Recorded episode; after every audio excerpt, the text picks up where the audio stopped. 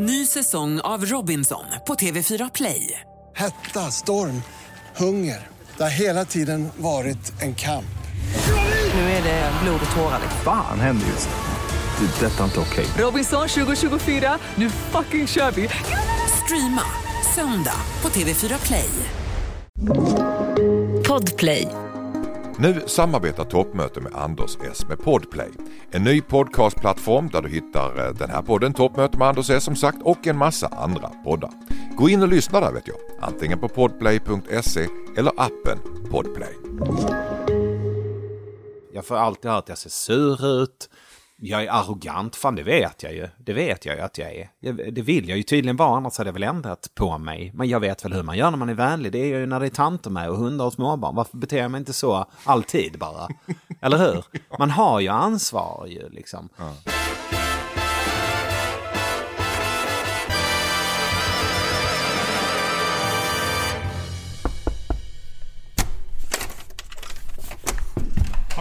Hallå ja! Funkar hissen? Han försöker dölja ett lätt flås efter att ha tagit fem trappor upp. Han är 25 kilo lättare än för ett och ett halvt år sedan, har hunnit bli 45 bast och omgift. Han blev pappa som 20-åring och nyligen fick hans barn från förra äktenskapet en 25 år yngre liten syster. Vi konstaterar omedelbart att det är skönt att båda är långa men tillägger att han är klädsamt lång och inte cirkuslång som jag själv. På frågan om det är något han inte vill prata om säger han “kör på”. För sån är han. Han duckar inte för något. Inga ämnen är för känsliga och inlärda sanningar är värt att fundera på ett varv till. Jag har jobbat med honom i Parlamentet men det är nog som programledare för Svenska nyheter på SVT. Han förtjänar sitt rykte som kungen av satir i det här landet. Något han förmodligen själv skulle tycka är lite skitnödigt epitet. Men who cares? I mitt hus är det jag som bestämmer så därför säger jag välkommen till toppmöte med Anders S och lär känna satirkungen och ädelskåningen som slutat be om ursäkt för att han ser sur ut.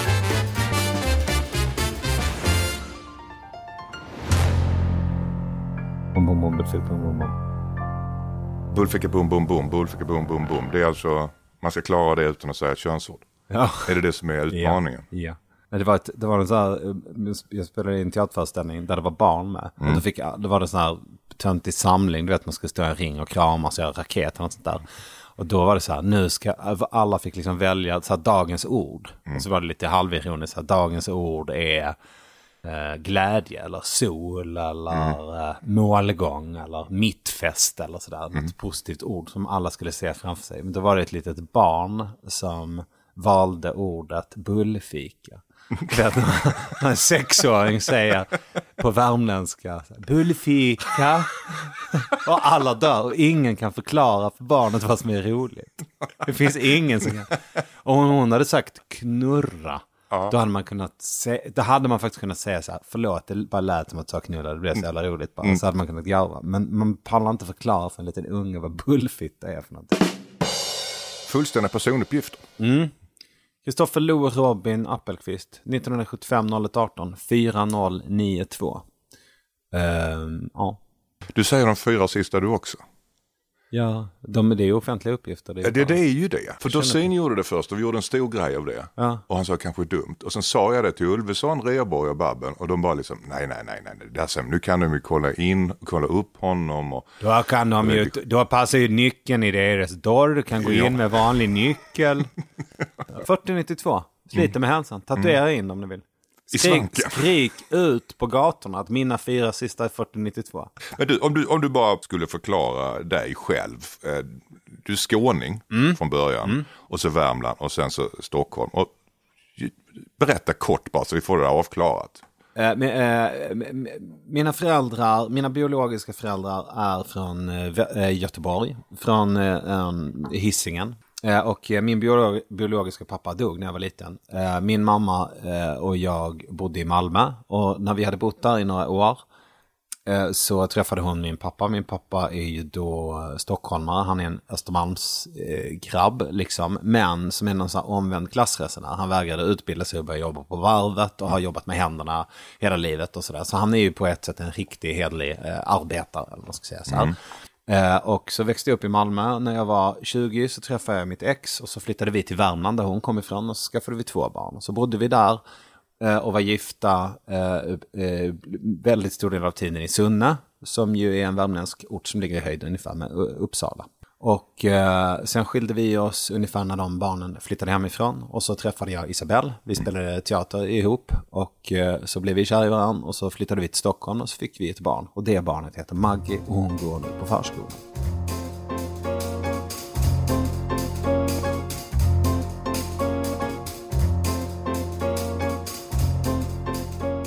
Du sa en gång i en intervju, vi går tillbaka till din barndom här, så sa du något som var väldigt intressant tycker jag. Eh, Du trodde du var mobbad men du kanske bara var jobbig. Ja. Alltså jag kan känna så fortfarande.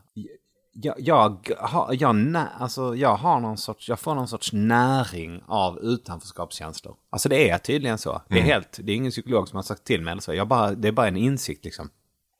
Att jag har väldigt nära till den känslan att eh, de gick och drack öl utan mig. Du vet. Och sen så om man då skulle påpeka det någon gång så här, försöka vara lite vuxen about it och säga så här. Hörni, fan fråga mig nästa gång för jag vill gärna hänga på. Då kan de ibland säga så här, ja vi, vi frågar dig men du svarar inte, du såg så sur ut så vi vågar inte fråga en gång till. Jaha, okej, ja ja, just det, det finns ju någonting hos mig också som sänder ut att liksom håll behörigt avstånd. Jag får alltid höra att jag ser sur ut. Jag är arrogant, fan det vet jag ju. Det vet jag ju att jag är. Det vill jag ju tydligen vara, annars hade jag väl ändrat på mig. Men jag vet väl hur man gör när man är vänlig. Det är ju när det är tanter med och hundar och småbarn. Varför beter jag mig inte så alltid bara? Eller hur? Man har ju ansvar ju liksom. Och det är klart att som barn har man ju inte det ansvaret. Då ska man ju få bli bjuden på kalaset även om man uppfattas som arrogant. Men andra barn kan väl inte förväntas kompensera. Alltså jag menar i de grejerna där föräldrar bestämmer. Vi, man kan inte bara välja att i, i, låta barnen inte bjuda ett av de, en av klasskompisarna på kalaset. Det, det är ju såklart, det går ju inte. Men om man inte liksom har de där skillsen när man är barn och f- leka med andra, med andra och acceptera vilka regler som gäller på bandyplanen eller sådär. Då hamnar man lite utanför och det kanske är synd om man kanske inte har fullt ansvar för det som barn. Men de andra barnen kanske inte heller har gjort något fel. Förstår du? Alltså s- så. Men jag, jag, jag kände mig väldigt utanför och hade väldigt svårt att få kompisar eh, och sådär. Så jag är inte säker på att någon annan har gjort fel för det, om du fattar vad jag menar. Var, var det en lycklig tid kommer du ihåg eller var det en jobbig tid? Eller att det här, Nej, alltså barn... du säger att du närde ditt utanförskap. Ja men med det menar jag, jag, jag har ju liksom en blå ådra. Om man säger så, jag lyssnar gärna på Winnerbäck. Liksom. Jag lyssnar gärna på Söndermarken. Jag tycker om när det är höst och när det är torra löv som blåser över gatorna. Jag tycker om att gå långpromenader och titta på löv liksom. Och lyssna på mollmusik och gråta en skvätt och, och skratta lite och hitta. Och min humor är också, och tar ju of, ofta sig eh, utgångspunkt i liksom men, sna- snarare blåa känslor än, än ljusa och röda liksom. Så jag tänk, antar att man är stämd i någon sorts grundton. Eh, och min är ganska blå liksom. Och jag trivs med det. Eh, Så det betyder inte att jag inte är glad. Det betyder bara att jag känner mig liksom inte... Jag känner mig mer hemma på hösten. Om man säger så. Eh, Och det är nog ingen slump att mitt jobb, mitt vanliga jobb, att vara ståuppkomiker, är ju att jag åker runt själv och bor på hotell själv. Och sen uppträder jag för folk och sen går jag och är ledsen och tänker att de tycker jag är dum i huvudet. Eller de älskar mig en kort stund och sen bara nej, han såg sur ut, han som satt där. Så här, alltså att jag kommunicerar med andra människor för det mesta på det sättet att jag pratar med dem i mikrofon. och sen går jag därifrån och lyssnar inte på vad de har att säga. Alltså det, det hänger ju ihop. Det är ju den personligheten som gör det så lätt för mig att vara komiker gör det också li- lite svårt för mig ibland att vara arbetskamrat eller kompis eller människa. Liksom. Det här med att du sa att folk kan uppfatta dig som arrogant. Eh, det har jag hört tusen gånger också. Överkompenserar man då? Att man är övertrevlig för att, för att mota Olle grind? För att man, eller? Jag, jag vet faktiskt inte, jag försöker, jag har... Innan har jag alltid sagt så här, eller på sistone har jag ofta sagt så här, eh, det ska bli kul att jobba ihop, jag vill bara säga med en gång så har vi du världen, att jag har en tendens att se sur ut. Jag är väldigt sällan sur. Ofta är det att jag känner mig osäker, eh, eller så är det bara att jag tänker. Liksom. Eh, så lägg inte för mycket energi på det och tänk på vad jag, varför jag är sur. Men ni får gärna säga till mig, nu ser du sur ut. Liksom. Eh, så, det är helt okej, och så skrattar man lite åt det. Och sen så tänkte jag nu när vi började jobba med den här säsongen, när vi gick in i det här stora grupparbetet som ju Svenska nyheter är ju liksom det största grupparbetet man kan tänka sig. Massor med människor som verkligen måste komma överens och dra åt samma håll. Så tänkte jag, fan jag ska inte säga det. Man har inte, vad har man för rätt att bara lämna en disclaimer? Jag kommer uppföra mig illa bara så ni vet, sån är jag. Liksom. Så, jag sa det till dem att jag, jag brukar säga så här, men det här, nu kommer version två och det är att mitt mål, mitt individuella utvecklingsmål är att inte se sur ut. Så om jag ser sur ut och ni inte fattar varför, att det inte är att jag sitter och pillar en glasskärva ur, ur, ur foten eller läser en elak artikel som någon har skrivit om mig eller så. Om ni bara tycker att jag är allmänt sur, liksom, säg gärna till mig. Eh, och där, ja, där ligger min ambition nu, liksom, att försöka att inte sända ut negativt, inte påverka andra människor negativt i onödan. Liksom. är det att överkompensera? Jag vet inte, det är väl bara att ha, vara ambitiös. Men jag tänker sur och arrogant är två olika saker säger jag. ja, det kanske det är. Alltså vad, vad, vad, vad kommer, varför tror du folk tycker du är arrogant? Alltså min persona är ju det. Det är ju hela min grej, hela min humor handlar ju om det. Alla skämt jag drar bygger ju på att jag är eh, nedlåtande, liksom. Nästan alltid ju. Eh, ja, så kan man ju säga om man inte vet bättre. Kan ju ett vanligt skämt börja, eller liksom. Var kommer det ifrån? Eh, ja, det vet jag faktiskt inte riktigt. Ehm, men alltså att vara sarkastisk. Har- Jag och Isabella har snackat om det mycket också, min sambo. Så här, vad, liksom skillnaden mellan att vara ironisk. Vi är ju liksom eh, jätteironiska båda två. Och det är ju kul och det kan ju vara en varm, god känsla ändå. Men sarkastisk kan man inte vara särskilt många gånger i en relation innan det blir liksom tråkig stämning. Nej. Eh, och det är ju en grej som jag tycker jag får fightas lite med. Liksom. Att man ser, man tycker man svarar bara roligt, witty. Liksom. Man tycker man är bara snabb och rolig och så ser man, oj. Ja, det, var, det, oj, det var inte meningen att tufsa till dig så hårt som Baloo säger om Mowgli, du vet. Ja, det var inte meningen att jag skulle tufsa till dem så hårt. Säg mig, hur tror du att din sambo ska vilja laga middag till dig när du har sagt elaka saker om henne? Lägger du på den rösten och retas hemma? Ja. Jag var ganska annoying. Men... ja. Det där är ju intressant eh, med sarkasm och ironi, att det är kul att vara ironiskt. Men det finns ju, jag pratade med Per Andersson om det där, att han hade en kompis som var så sarkastiska och stenhård jargong mot varandra, ironiska, så till slut blev det inte roligt. Det var bara, Nej. de blev elaka mot varandra. Men så kommer jag ihåg, alltså de kompisgängen som jag var en del av när jag var ung, och, och, eh, men som jag liksom sen, som alltid sen slutade med att de gjorde grejer utan mig. Och om det var deras, om det var dem eller jag, det vet jag inte som sagt. Men, men det hände liksom gång på gång.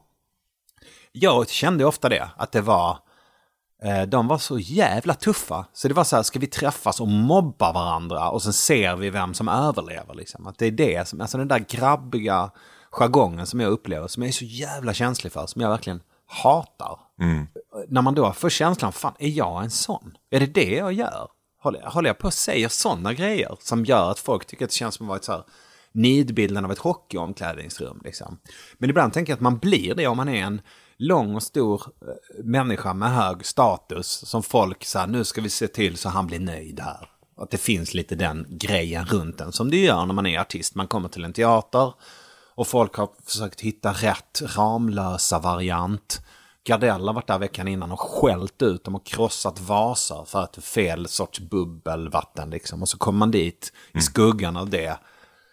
Alltså, då, alltså man har ju, vad ska man säga, man väger ju så tungt då. Så om man då går runt med rynkade ögonbryn och muttrar lite så, så får det ju effekt liksom. Större effekt om man är stor. Jag vet ju själv det. Jag är 202 och har mörk röst och pratar skånska. Ja. Eh, och man har inte mycket marginaler Nej. att ha en dålig dag. Nej, precis. Därför att då slår det så hårt. Ja, precis. Än om man skulle vara en, en, en, 60 och lite mjuk röst. Då har man lite större marginaler. Precis, ja men det är ju det. Det är det. För jag, jag har sagt det till alla intervjuat, att jag har en teori om att ens kropp och utseende definierar väldigt tidigt vem man blir. Ja, för det är ju så man blir behandlad ju. Ja, Ja, precis. Ja, alltså om man, om man, är, om man, om man har en kropp där man inte kan rent fysiskt smälta in. Så gör, man- måste man göra ett val. ja. Jag, antingen äger jag den här situationen Ja. och tar ett steg framåt. Då får man ännu högre bot. Så säger här är jag, vad säger ni om det? Ja. Eller så, så blir man kuvad. ja. Alltså jag, jag är lång, men vi var tre stycken som var så långa som jag är. i Du är lång klass. men inte superlång. Nej, det är ju det. Jag är ju cirkuslång. Ja, du är cirkuslång, men jag är inte... Jag, jag har liksom... Jag är inte den perfekta längden, för det är fortfarande fruktansvärt jobbigt för mig att åka flygplan. Men om man är, jag är 1,93. Men om man är 1,89 då är man fortfarande lång. Man har fortfarande liksom, folk tjafsar inte med en i onödan sådär. Men du får fortfarande plats med benen på flyget. Om jag får pengar, alltså riktiga pengar över någon gång. Då ska jag se om det går, du vet, ta lite mellan varje kota i hela ryggraden. Bara att komma ner till 1,89. Det fan, jag, kollade på en, jag kollade på en dokumentär där de, där de sågade av lårbenen på en kille som var för lång. Och han, han blev sant? kortare, alltså 8 centimeter. Men vadå? Eh, Och hans proportioner var rimliga fortfarande? Ja, de gjorde det så att proportionerna blev okej. Att inte, Men inte tog för perfekta. mycket. Han Nej. fick lite korta ben alltså. Ja, fast det syntes inte. Nej. Men han var liksom, han gick från 2,25 till 2,20 eller 2 2,19. Så alltså grundproblematiken kvarstod ju. Han blev ju inte, han kunde inte Nej, men smälta in. Nej, nej, men alltså han gick ju från, han gick ju från Cirkus Scott till Cirkus Brasiliak. Eller hur? Han blev bara lite, han bara blev bara lite mindre spektakulär. Men det här med, eh, med, med jag kommer, det, det, det fanns ju en sak att eh, tjejer gillar långa killar till exempel. Så här, ja, ja, men det finns en gräns. Ja. upplevde, du- hur upplevde du det med tjejer när du, var- när du var i din, eh, dina tonår? Min bedömning var att jag aldrig någonsin skulle få en tjej. Det var min, det var min seriösa bedömning. Hade ingen, hade ingen bild av att det fanns någon som helst efterfrågan på sådana som mig. Faktiskt. Och varför, det vet, det vet jag fan inte riktigt. Alltså jag, om man tänker tillbaka på min barndom och ungdom, fan, jag gjorde skitmycket roliga grejer. Jag var med i massa så här föreningar och gjorde grejer och sånt där. Det var, det var ju kul liksom. Man hade massa, fan jag var ju superkreativ och byggde grejer och meckade med cyklar och... Men just, nej men tjejer och kompisar just var inte, var inte grejen. Och när, vän, när vände det med tjejer då? Ehm, ja, men alltså jag har ju haft några långa relationer bara i mitt liv. Jag är inte någon tjej, tjejkille. Jag, jag, jag dejtade lite liksom, men framförallt så jobbade jag svinmycket. Eh, Jag jobbade, jag gick ju pyttelite, jag gick inte gymnasiet utan jag jag har jobbat med olika grejer liksom. Och sen träffade jag mina äldre barns eh, mamma. Mm. Eh, och då gifte vi oss. Direkt? Ja, men ganska med en gång. Skaffade barn med en gång. Jag, var, jag ville gärna det. Tyckte det var skitgött. Och hur gammal var du då? Jag var 20 och hon var eh, 28. Så Okej. hon var ju liksom i dags att skaffa barn-åldern. Och jag tyckte, ja men fan det är ju toppen. Var det ditt första riktiga förhållande då? Ja, absolut. Det var det? Ja. Var, var, var, var, du, var du obekväm med tjejer eller var du i, jag alltså, i högstadiet, gymnasiet? Eh, Men det, det är liksom lite samma där. Det är inte, jag har aldrig tänkt på det som en tjej, alltså som ett tjejproblem, utan som ett människoproblem. Det är svårt när man väl hittar någon som man bara, ja okej, så jag får vad jag måste. Du tycker inte det är jobbigt att jag pratar hela tiden eller att jag vill skoja eller, ja du tycker, ja men du vet när man känner sig, ja okej, jag duger som jag är. Det är ju den grejen man letar efter. Ny säsong av Robinson på TV4 Play. Hetta, storm, hunger. Det har hela tiden varit en kamp. Nu är det blod och tårar. liksom. Fan händer just nu. Det. är Detta är inte okej. Robinson 2024, nu fucking kör vi! Streama söndag på TV4 Play. Ett poddtips från Podplay. I podden Något Kaiko garanterar östgötarna Brutti och jag, Davva, dig en stor dos skratt. Där följer jag pladask för köttätandet igen. Man är lite som en jävla vampyr. Man har fått lite blodsmak och då måste man ha mer. Udda spaningar, fängslande anekdoter och en och annan arg rant. Jag måste ha mitt kaffe på morgonen för annars är jag ingen trevlig människa. Då är du ingen trevlig människa, punkt. Något Kaiko, hör du på Podplay. Därför är gardinerna. Det låter lite grann på dig när du pratar som att du har under din uppväxt, och jag vet inte om det fortfarande är så, men att det finns någon slags om du kommer in i ett rum eller möter nya människor så finns det en förutsättning att de har en uppfattning om dig. Och att du måste försvara den, upp, den bilden som de har av dig. Ja, just det. Vad heter det? Selma Lagerlöf kallar det där för, om det är det du menar, för själviakttagelsens onda ande. Plågsam självmedvetenhet helt enkelt, kanske man kan säga. Men det är också någon slags, eh, det formar ju en. För det innebär att man kommer i en försvarsposition så fort man kommer i ett nytt rum. Eh, ja, precis. Och så om man, om, man dessutom som vi har offentliga eh, jobb Mm. så är det ju dessutom sant att folk har förutfattade meningar om en allra första gången man träffas. Fast att de inte har en aning om vem man är eller Nej, så. Och det. vet man ju om också. Men det är också en konstant självupptagenhet. För det är det som jag har blivit så här plågsamt medveten om. Att det, vi, vi då, eller vad man ska säga, de, eh, det är väl, det är väl ganska, ganska klassiskt, tänker jag, män i alla fall.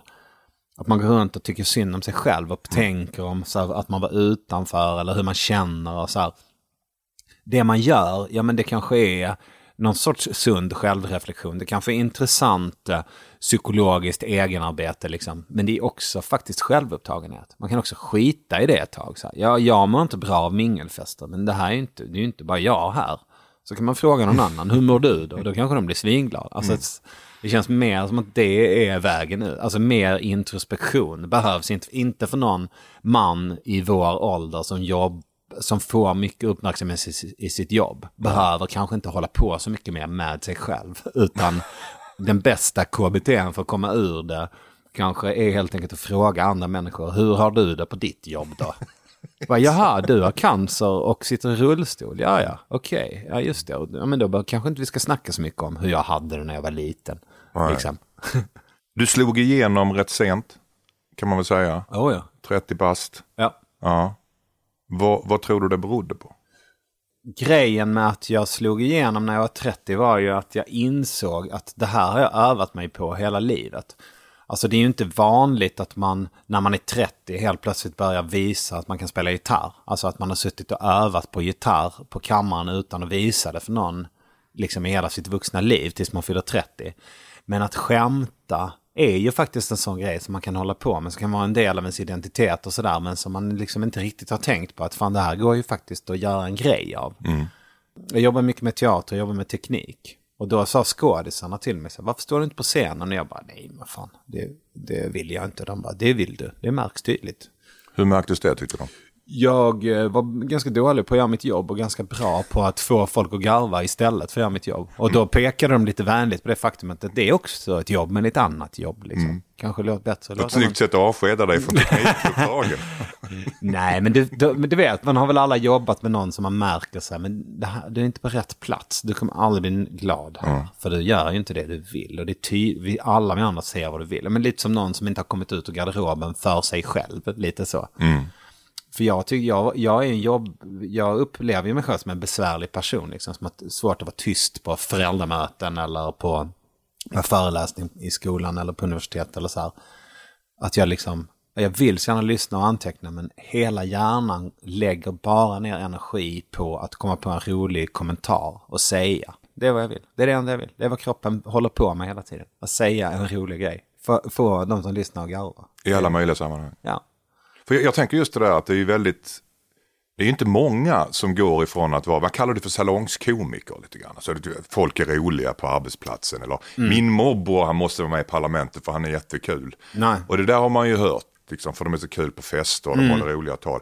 Men det är ju väldigt få av dem som, som tar steget och det är ju ett annorlunda, en annorlunda värld. Ja men verkligen. eh, Och man måste ha vett att förstå skillnaden mellan liksom referenser. Alltså man måste kunna värdera referenser. Det är ju nästan komikerns viktigaste eh, arbetsredskap. Att kunna identifiera så här. Är det bara jag och mina kompisar som känner till den här. Är det här en känsla i samhället eller är det bara en känsla i kompisgänget till exempel.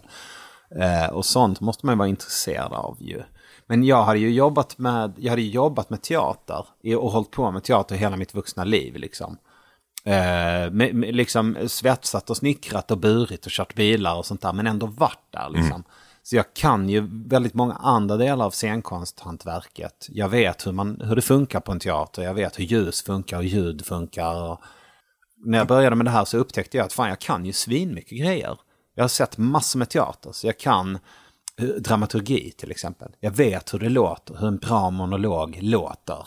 Eh, ja, sådana där grejer liksom. Så jag började kolla, jag kollade till exempel på Parlamentet. Jag kommer ihåg att jag såg ett avsnitt när Johan Glans var med. Och det var så jävla roligt. Jag skrattade så jag kissade på mig. Jag tyckte det var fantastiskt. Men jag kände också så här, fan det där kan jag också. Alltså det är inget, det är ingenting som jag inte skulle kunna hitta på. Det där liksom. Eller folk skrattar så där åt mig också.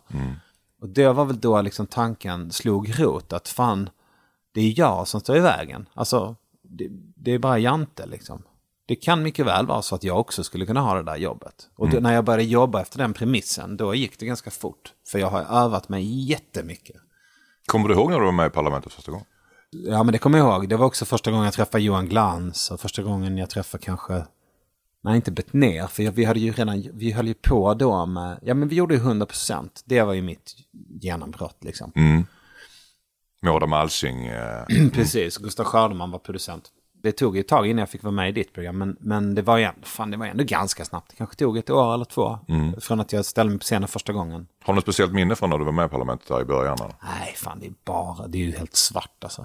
Fan, det var så jävla läskigt alltså. Det var det? Ja, fruktansvärt alltså. Vad var det som var så läskigt då? Nej men det är alltså, Du var ju med, hade varit med i 100% och vad var skillnaden? Ja, precis. Så tänker man ju. Alltså. Så hade man ju sagt till någon som var ny också. Så, fan, du har ju redan gjort det ju. Liksom. Men eh, nej, men det var inte riktigt samma liga heller ju. 100% var ju också lite så här, det var ju ingen, ingen som vet vad det programmet heter. Folk kom ju fram till mig och sa, fan vad bra det var i parlamentet. Innan jag ens hade varit med i parlamentet. För att ni fick ju den credden ju.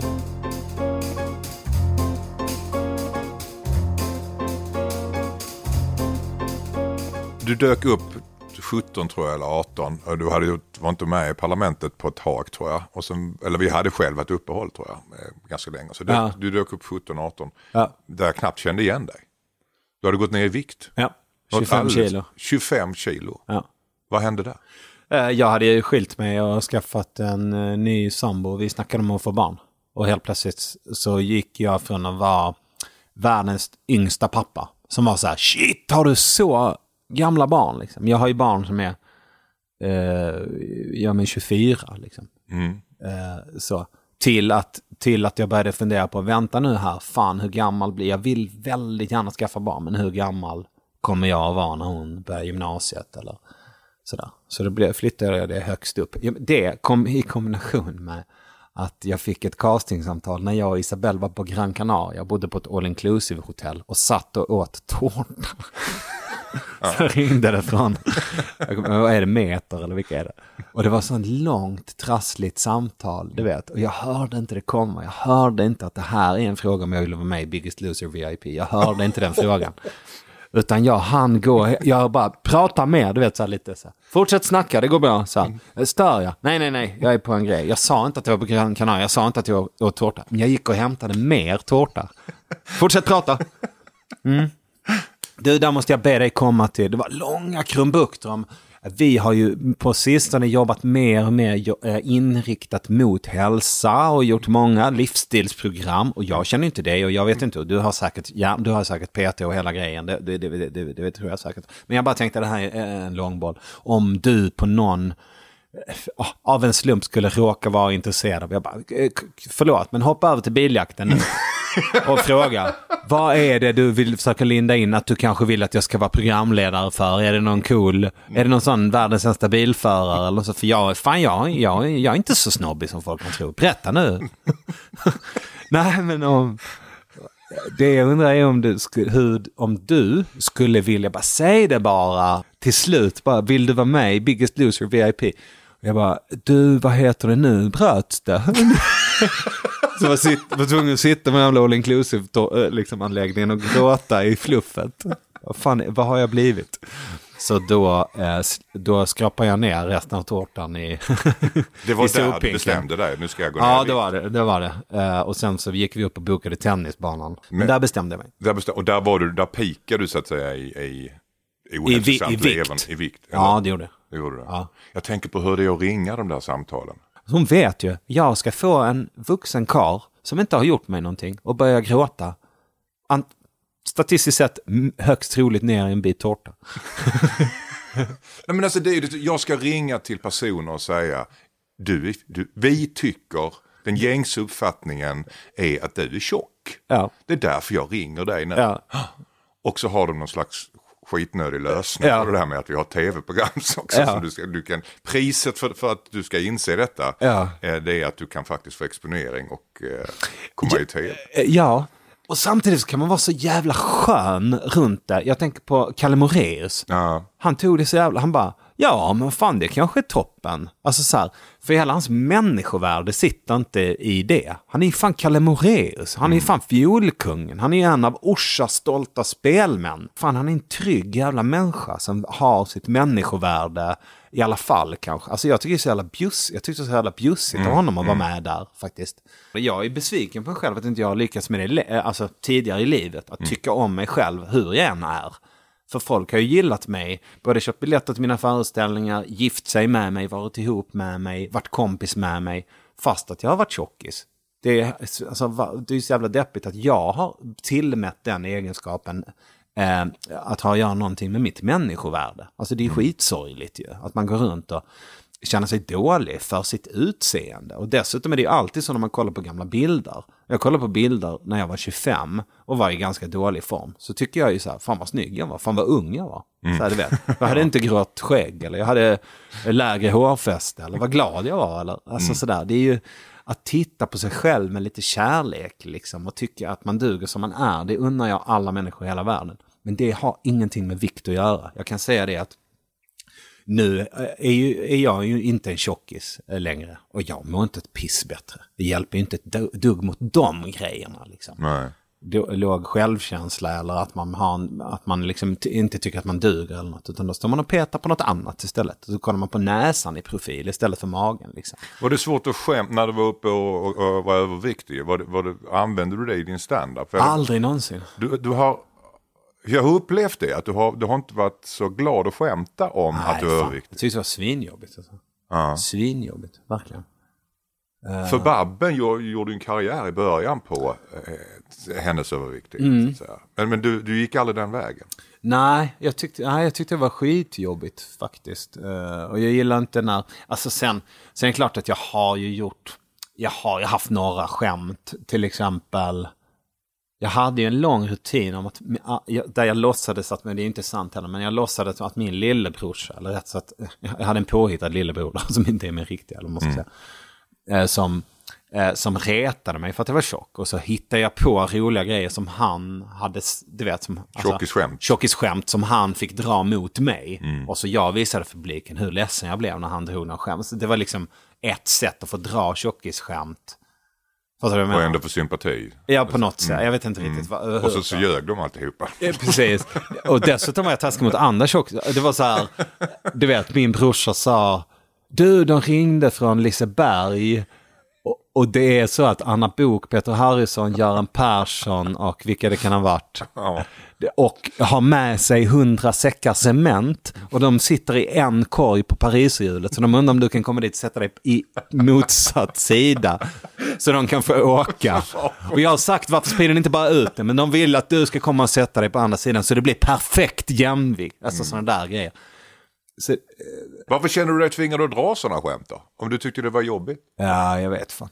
Jag vet faktiskt inte. Nej, men jag har, jag har gjort det ganska lite. Jag, den, ja, det var den och så någon grej till. Typ, eh, det ser ut som att du har ätit färdigt.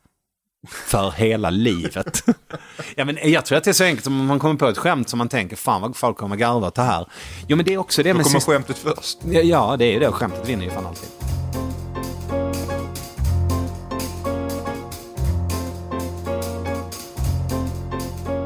Svenska nyheter. Ja, Du tog över efter Jesper Rönndahl. ja. Hur fick du frågan? Eh, av eh, Grimberg, eh, som var projektledare för... På SVT? Ja, precis. Och vad, hur, hur kände du när du fick frågan? Eh, jag sa ja med en gång, alltså, helt utan betänketid. Det är mitt, mitt absoluta drömjobb. Vad är det som är så roligt med det? Eh, att det förenar de två grejerna som jag tycker mest om i hela världen. Att skriva tramsiga skämt där, där det verkligen bara handlar om att få folk att garva. Så det får vara hur larvigt det vill. Ju mer folk skrattar, desto bättre är det. Eh, och eh, värd, värderingsfrågor som har att göra med samhället. Samhällsfrågor. Jag är intresserad av de två grejerna. Jag, folk som träffar mig som inte känner mig blir förvånade över hur allvarlig jag är. Hur stort allvar jag tar samhällsfrågor på. Eh, och jag har varit lite dubbel på det sättet. Lite, liksom, vad ska man säga? Lite eh, splittrad kanske. Eh, och här så känner jag helt plötsligt att jag får göra de grejerna. På samma arbetsdag med samma arbetskamrater. För jag var, hålla på och, och diskutera samhällsfrågor på fullt allvar och tramsa fullt ut. Eh, och folk tittar och gillar det. Så det är ju kryss i alla rutor. Det här med politisk satir, jag har ju alltid haft svårt för just ordet satir. Ja, det är Eh, något proppmätt med det ju. är något skitnödigt över det på något sätt. Och det finns någon slags, jag vet inte, eh, man lever i någon slags tron att man gör någon skillnad. Ja. Eh, gör Svenska nyheter någon skillnad tror du? Jag tror att Svenska nyheter kanske först och främst, jag tror att vi gör en stor, eh, en stor tjänst åt SVT. Att vi är ändå kanske ett av de mer oängsliga gängen, liksom, vad det gäller eh, politisk korrekthet eller vilka ämnen som, man, eh, som är populära att prata om eller så. Så att det är ganska högt i tak åsiktsmässigt och att vi är ganska oängsliga, tycker jag. Eh, Och det tror jag är bra för public service trovärdighet. Tror du politisk satir generellt gör någon skillnad? Jag vet inte och jag bryr mig inte. Jag gör det för att det är kul. Jag gör det för att jag tycker det är kul att skriva skämt. Eh, jag tycker det är kul att skoja om. Jag tycker det är kul. Det är som en sån här fringe benefit. Lyxig löneförmån. Att få sitta och kolla på Agenda och Aktuellt på arbetstid. Eh, den där den där grejen med att tro. Nej, alltså det som gör skillnad det är väl för fan folk som jobbar i soppkök på sin fritid. Som tar hand om folk, folk som jobbar på förskolor, som är läkare. Sånt. Det gör skillnad. Läkare utan gränser gör skillnad. Eh, det här vi håller på, det är ju lyxigt ju. Vi har ju världens slappaste, härligaste och roligaste jobb ju. Där vi får skoja för pengar. Tack så hemskt mycket till alla er andra som betalar för det. Och jag fattar om ni när som helst säger att nej, nu har vi inte råd längre. Jag fattar det. Men tills ni säger det så kommer jag fortsätta. Varför tror du politisk satir har mer högre status än till exempel bondkomik?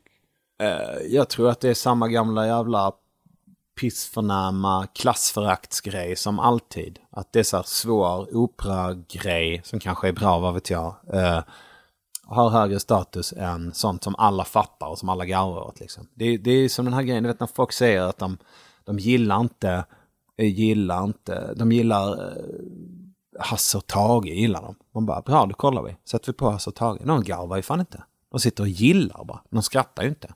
Ja, men de gillar inte sådana här knäppa klipp liksom. Nej, kollar vi det. Sätter man på här, kollar att eh, katten råkar spola ner sig själv i toaletten. Då skrattar ju samma människa som håller på att kissa på sig. Och ja, men det är ju som, det är som att... Du kan, ju, du kan ju ljuga och säga att du inte blir kåt av porr. Men man kan också kolla hur snoppen ser ut när du tittar på det. Den ljuger liksom inte. Och det är så garvet ljuger inte. Folk tycker att roliga grejer är roliga. Slut. Mm. Ehm, och sen vad de vill, hur de egentligen vill vara, det är ju något annat liksom. Men det är ju sno- någon sorts snobbism eh, där. Det är ju någonting, vad ska man säga, det är ju något lite mer P1 godkänt ju, med satir liksom. Det är så här, det ni gör, eh, det, är- det är viktiga människor som säger så här, ja, det ni gör är viktigt. Jag bara, att vi, eh, vadå, att jag tog en film, för när Lasse Berghagen tog sig på snoppen på Lotta på Liseberg och, satt, och klistrade solglasögon på honom och la på här gangsterrapsbit. Är det det som är viktigt? Eller, vad? Eller är det att du känner igen att vi har tagit klipp ur Agenda? Är det det som gör att du fattar att det är viktigt? För att det är för en, det där tråkiga programmet som går på söndagarna som ganska få människor pallar kolla på. Är det det som gör att det är viktigt? Är det, så här, det är ju Folk positionering. Man vill känna sig fin.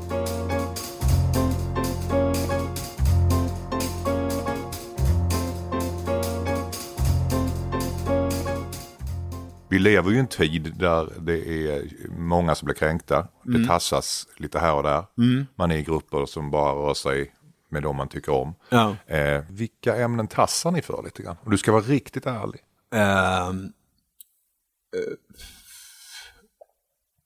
ja.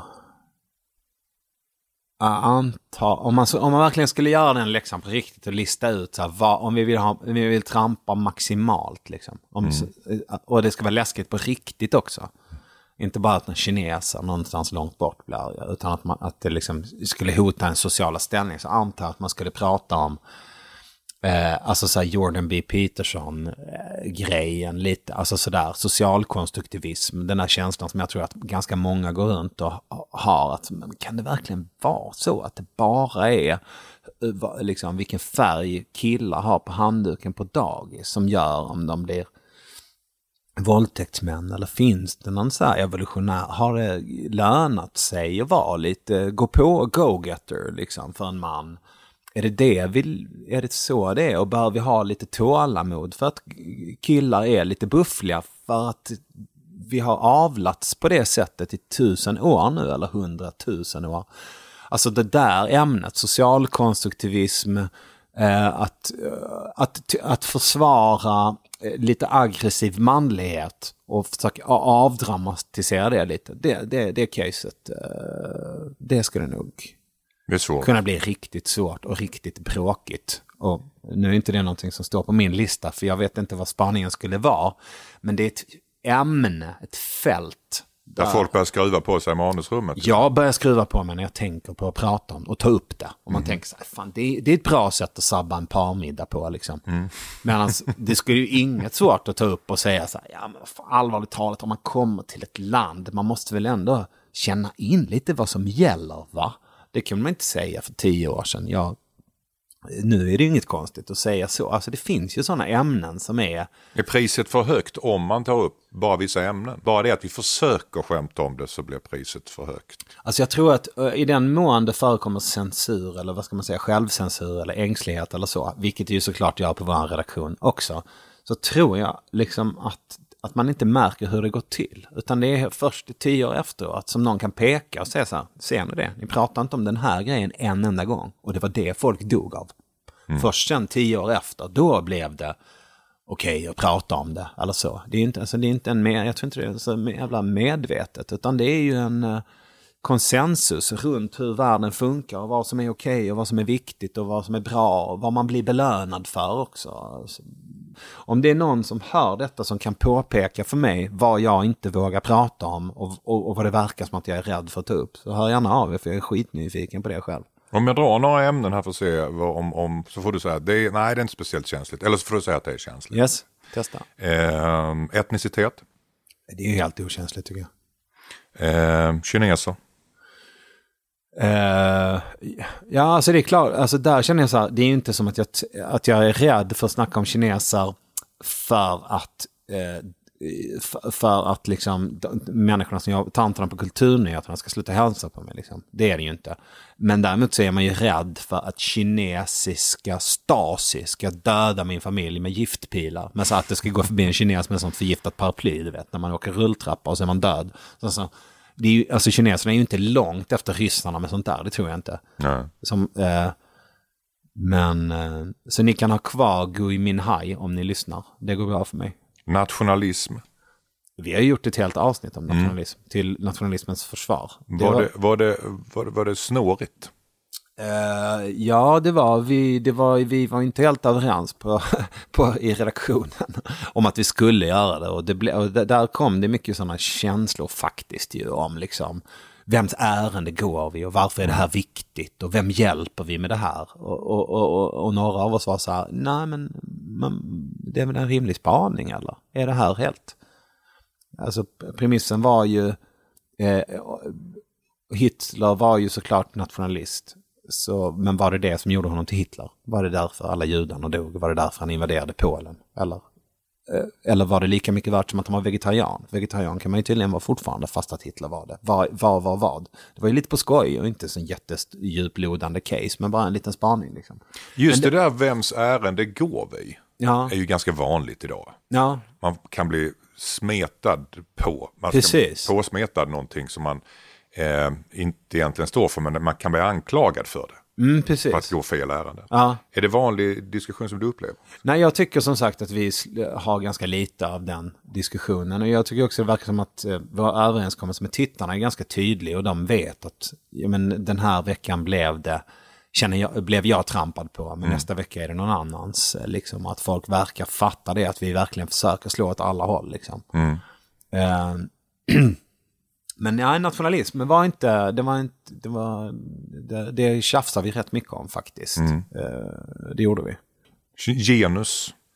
Alltså begreppet genus är väl helt okontroversiellt, men om, man, alltså, om, om du med det menar... Genusteori. Eller? Precis, alltså ska, jag eh, om man hittar något sånt där eh, liksom projekt med eh, genusteori i eh, elfirmor i Leksand på 70-talet. Alltså sådär när, det, när man börjar känna, men vänta nu här, är det inte bättre att ni bara hittar på en ny medicin än att hitta på nya ord som ändå inte betyder någonting för någon. Den känslan som ju många har eh, in, inför de här begreppen att man, eh, att det är politik som har letat sig in på universiteten och att for- forskningsanslag delas ut till folk som faktiskt håller på med politik, ganska ra- radikal politik. Eh, att skoja om det tror jag skulle vara, det skulle bli bråk både på redaktionen och eh, med tittarna, det tror jag.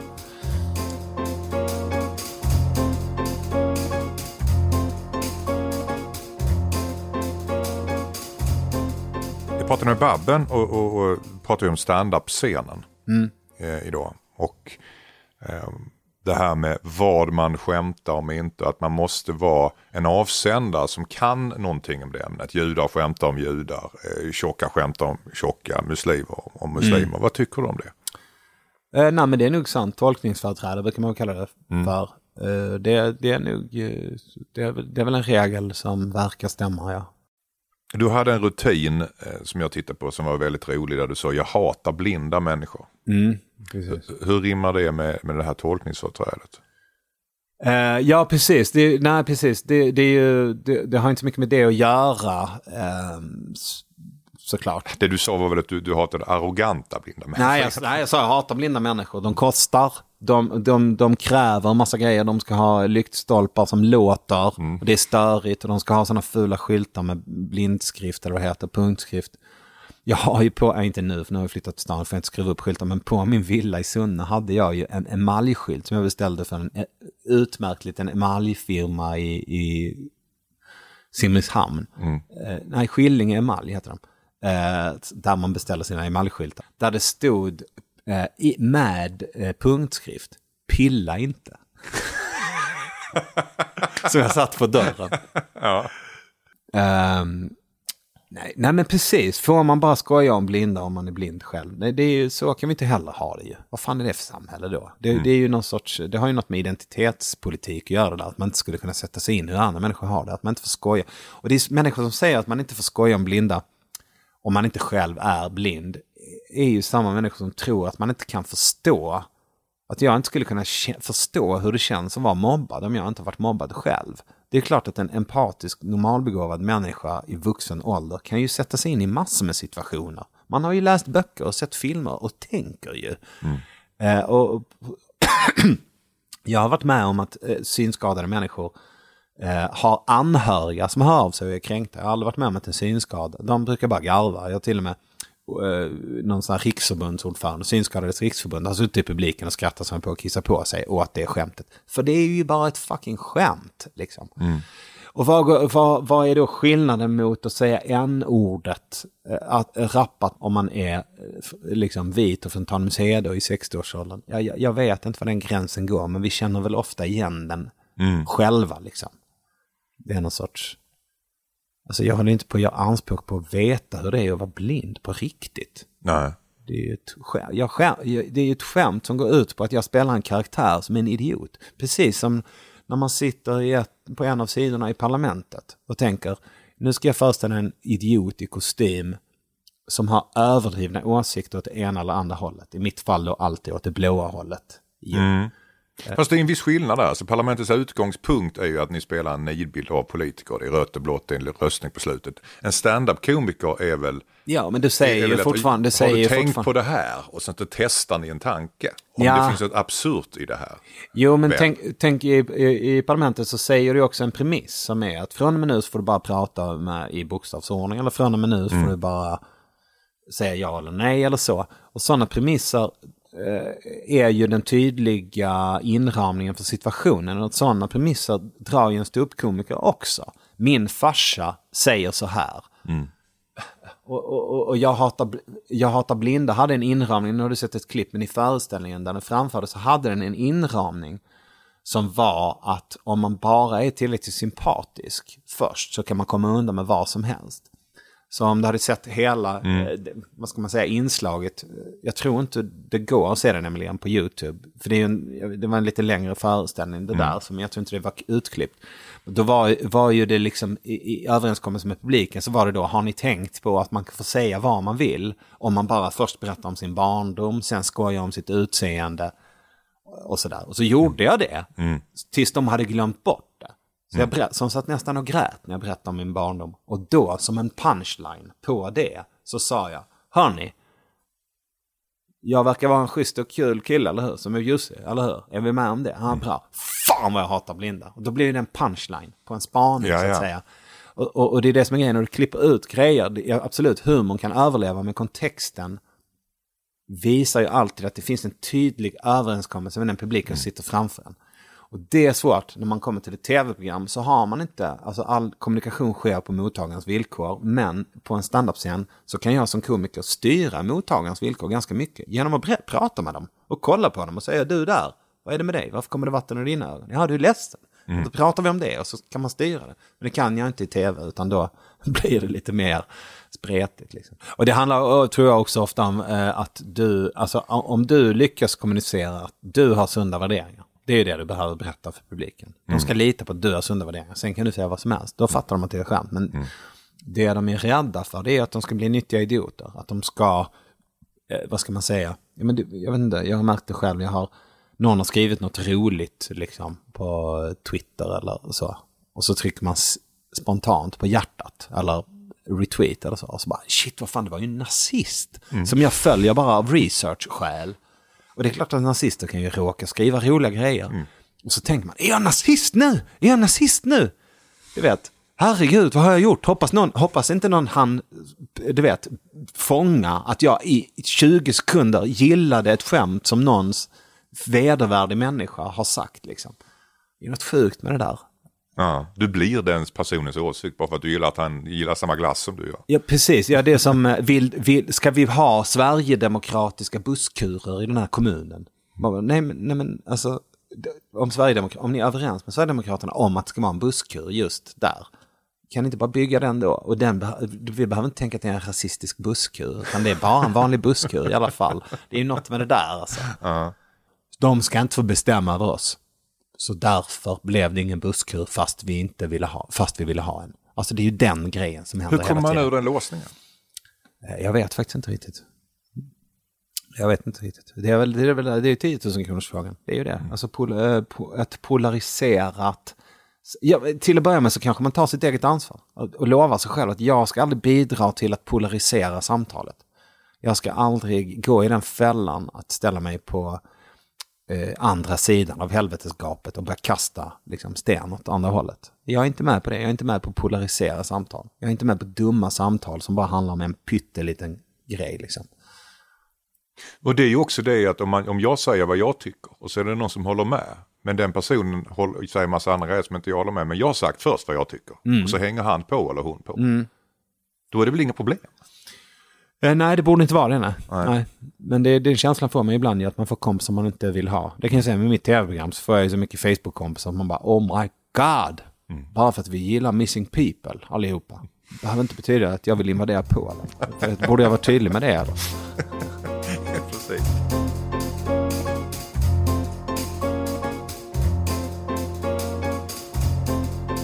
Precis som eh, Louis CK skojar om eh, abort.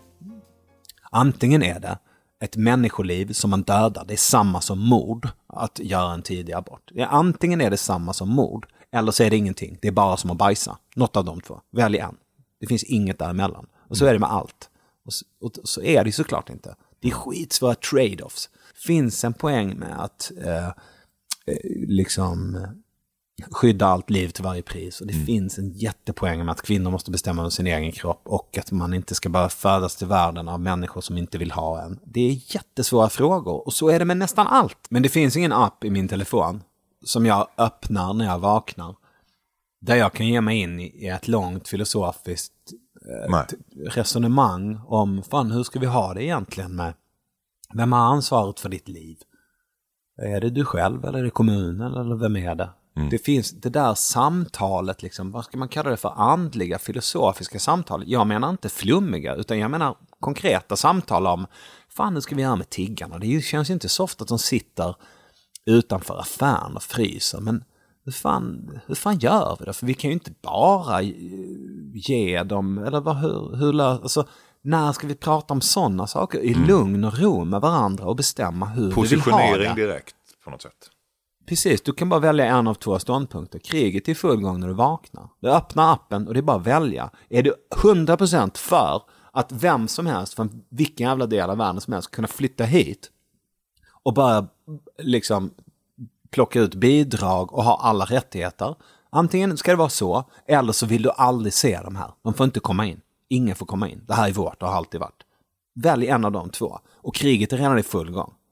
Du måste börja, det första du säger måste vara skrik, annars hörs du inte. Det finns en religiositet i det. Ja, jag tycker, jag tycker Alltså någon slags följa John-andlighet i det. Antingen så är allt Greta Thunberg gör bra eller så finns det, Ja. eller så tycker du att hon är en bortskämd snorunge. Det finns Alltså- liksom ingenting däremellan. Alltså jag antar att det pågår vettiga samtal eh, om de här grejerna. Eh, någonstans. Men jag, jag kan hitta inte dem. Jag vet inte var, var är de som pratar sansat om, om grejer. I Hur ska man få tillbaka den sansade... Har den funnits? Nej, kanske är så enkelt. Jag vet inte. Eh, men eh, jag upplever att eh, samtalsklimatet polariseras. Att det blir större och större skillnad mellan olika åsikter. Att det blir mer och mer skyttegravskrig. Det upplever jag. Upplever du det? Mhm, absolut. Ehm, Och att man bara närs, man, man när sin egen åsikt av dem, från dem som, som eh, tillhör samma grupp. just det. Man utmanar inte sig själv Nej. till att verkligen ta en diskussion med någon Nej, som det. tycker annorlunda. Nej, I lugn och ro. Nej. För man är rädd för att bli nerbrottad. Eller ifrågasätta vissa inlärda dogmer man har. Just det. Så det är egentligen en rädsla för sina egna åsikter egentligen. Att de ska falla. Ja. För de har blivit en del av det man är. Just det. Så, så, så enkelt är det.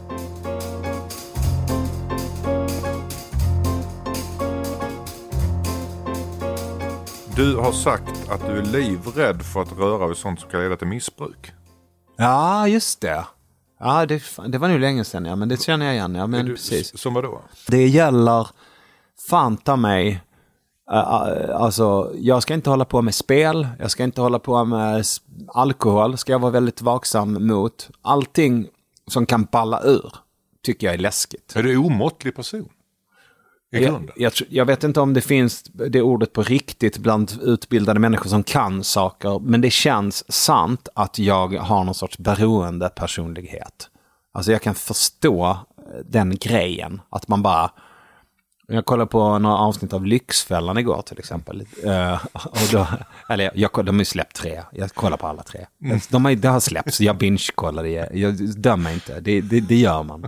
Eh, så, så kollar jag eh, på det och känner igen mig. Liksom. Ja, men Vad är det det du känner igen då? Är det det här Ja, omåttliga? men när man tappar, man liksom gräver ner sig i sig själv och tycker så här, man bara, har du börjat äta godis till middag? Ligger du i sängen och äter godis för att inte tänka på ditt jävla telefonlån som du tog för att det var en kortsiktig lösning på något problem som dök upp. Alltså du, fan, du begår ju självmord långsamt liksom, på alla sätt. Och vem har inte varit där? Någon gång har man ju varit där i, liksom, i sin självdestruktivitet. Kan ju ta sig uttryck på tusen olika sätt. Men alla de tusen olika sätten är ju en och samma sak. Om det är att man dricker, eller om det är att man eh, knullar med folk som man inte ska knulla med, eller om det är att man eh, ställer till med bråk varje gång. Istället för att lösa problem så ställer man till med mer problem. Alltså den här destruktiviteten som är någon sorts flyktbeteende har ju någonting med missbruk att göra. Och du känner att du har den? Jag, jag är rädd, min farsa, min biologiska farsa var missbrukare. Eh, och, Är du mer rädd för det än att du de facto känner det? alltså, det, den feedbacken jag har fått flera gånger genom livet, jag har gått så ledarskapsutbildning eller gått i terapi eller haft en kärleksrelation eller en vänskapsrelation. Flera, flera gånger, många gånger ska jag säga i livet har jag fått den feedbacken att så här, du är rädd för att tappa kontrollen, du är rädd det känns som att du tror att du precis har tänt av och att nu är du rädd att du ska åka dit igen. Fast att så länge jag har känt dig så har du stoppat in alla dina elräkningar i Excel och gått upp tidigt på morgonen och skött alla dina grejer. Och, sådär liksom. Att, men jag vet inte, jag har väl helt enkelt kontrollbehov och är rädd att tappa kontrollen över vad den är. Oavsett om det är russin eller, eh, eh, eller Rioja eller pengar eller så. Så det är mer rädslan än att du facto har Ja, det det? kanske det nog är, ja. ja. Alltså jag har levt oerhört osunt på alla sätt som går, men det börjar ju bli väldigt länge sedan. Eh, Så Saknar du den tiden? Nej, det gör jag faktiskt inte. Jag, tycker, jag, tycker mycket om, jag tycker mycket om att vara fullvuxen. Jag tycker mycket om att, att jag får mer ut av att gå en eh, promenad med en bok i öronen än att gå på fest.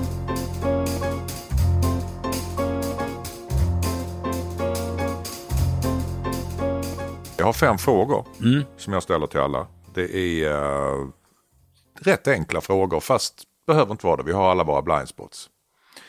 Huvudstaden i Kanada. Ja, just det. Det är ju inte Montreal. Där pratar de franska. Jag tror inte det. Den är lite snårig. Så, men vad kan det vara? Det kan vara det där Göteborgsskämtet Ottawa. Just det, kan det vara Ottawa? Nej, det känns inte så. TV-tornet. Jag Det är stannar där. Montreal. Det är Ja. Ottawa. Är det det? Mm, Okej. Så du kommer säga att du hade rätt. Roten har 16, Kristoffer. Eh, fyra, va, eller? Eller? Ja, det är sant. Det är fyra. Jag hade också fått lägga till eller. Men det är fyra. Ja, det kommer inte från en trygg plats. Det gjorde det inte. När blir Skåne svenskt? ja, vi ska se. Eh, på 1600-talet. 1658. Eh, var spelar Zlatan nu? Eh, oj. Ja, fan. Nej, nej. Nej, Gissa, kan- gissa då. Ja, men jag vet att han spelar i Paris, det är aslänge sedan. Sen vet jag att han har varit i USA en vända. Och sen är han ju i Europa. Är han i Spanien kanske? Nej, jag har ingen aning. Milan. Ja, ja, just Ja. Eh, vad heter fåret bräker på engelska? det. Nej, jag har ingen aning. Bleats. Det är cheap Wow. Ja, Cheap men Bleats. Ottawa hade du. Ja. Ja, precis. Jag kan säga så att det, det, du ligger i snittet. På, ja, det kan jag gott tänka mig. Och det är väl toppen? Ja, det är väl toppen. Kristoffer, tack så jättemycket. Tumme upp.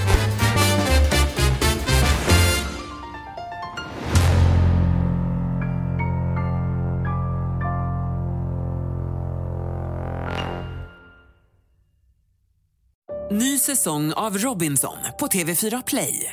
Hetta, storm, hunger. Det har hela tiden varit en kamp. Nu är det blod och tårar. liksom. Fan händer just nu. Det. är Detta är inte okej. Robinson 2024, nu fucking kör vi! Streama söndag på TV4 Play.